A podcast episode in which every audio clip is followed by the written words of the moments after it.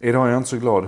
Tvärtom, jag är arg, frustrerad, nästan förbannad. Jag har tittat på två timmar eh, senatsförhör, alltså förhör från den amerikanska senaten. Och jag skulle verkligen inte vilja prata om det, egentligen. Jag skulle vilja prata om att Google har lanserat ett nytt bibliotek för AR och VR-objekt som kommer att accelerera utvecklingen. Jag skulle vilja prata om det vansinniga att Ryssland nu trumfar igenom en lag mot, mot VPN, mot Virtual Private Network. Ett jättehot mot demokratin och integriteten. Jag skulle vilja prata om bra lagstiftning som i Indien där man nu har ett, ett lagförslag på bordet som kommer tillåta drönarleveranser fram till dörren. Jag skulle vilja prata om, om att Microsoft nu får lite upprättelse. Det var många som var skeptiska till deras köp av LinkedIn förra året för 26 miljarder dollar. Men nu när LinkedIn inte bara ger en massa bonuseffekter utan också cashar in en, en vinst på en miljard dollar i kvartalet så är det inte så många som skakar på huvudet längre. Eller jag skulle vilja prata om, om om eh, bitcoin cash som är den näst högst värderade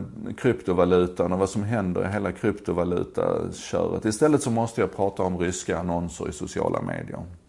Jag ville inte det egentligen. Jag ville vänta till vi hade mer konkret att prata om. Men det här senatsförhöret, det, det, det fick man ju faktiskt att dra en säkring. För det är så jäkla sorgligt.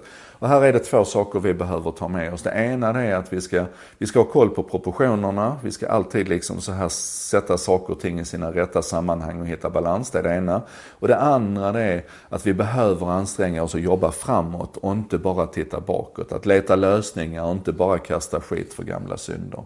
I synnerhet när vi sitter i ett glashus. För det är det de här politikerna gör. Så, nu ska jag förklara. Det första är att, att det har börjat komma siffror på det här nu, alltså hur mycket pengar det här handlar om.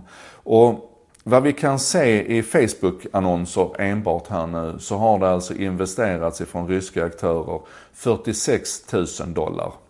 Det är jättemycket pengar, det är nästan en halv miljon i, i svenska pengar. Men för att sätta det i balans eller i relation då så har alltså Trump och Clinton, bara deras kampanjer, investerat 81 miljoner dollar i annonser på Facebook. 81 miljoner versus 46 000.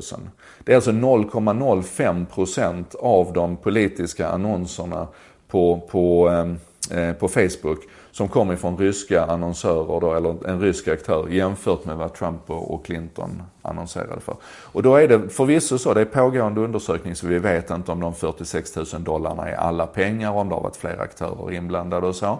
Men vi vet å andra sidan inte hur mycket packen, alltså, och, och superpacks, eh, political action committees, alltså en slags mjuka lobby insamlingsorganisationer, hur mycket annonser de har köpt. Utan i detta läget så pratar vi bara om Clinton och Trump och deras egna kampanjpengar. 81 miljoner jämfört med 46 000 dollar. Och när då proportionerna ser ut på det viset så måste vi nog kunna konstatera att hur duktiga ryssarna än var, för det verkar de ha varit. De har varit mer riktade, de har varit mer spetsiga i sina budskap, de har fått relativt stor spridning jämfört med hur lite pengar de har lagt. Men om vi bortser från det för ett ögonblick och bara tittar på liksom effekterna av det här så, så, så kan vi nog konstatera att det här har haft en, en ytterst liten potentiell påverkan på valet.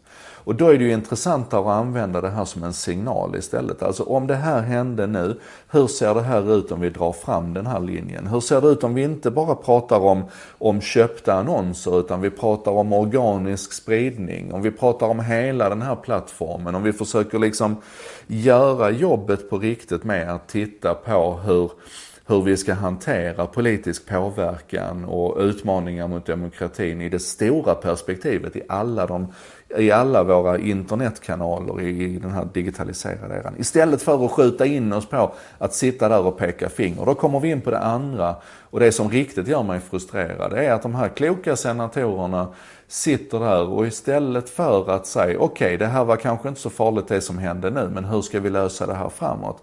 Så sitter man timme ut och timme in känns det som och kastar skit för gamla små synder och detaljer och, och verkligen anstränger sig och nästan vara så här lite fyndigt spetsig när man ska ställa aktörerna från Facebook och Google och Twitter emot väggen och utmana dem och visa hur cool man är och så.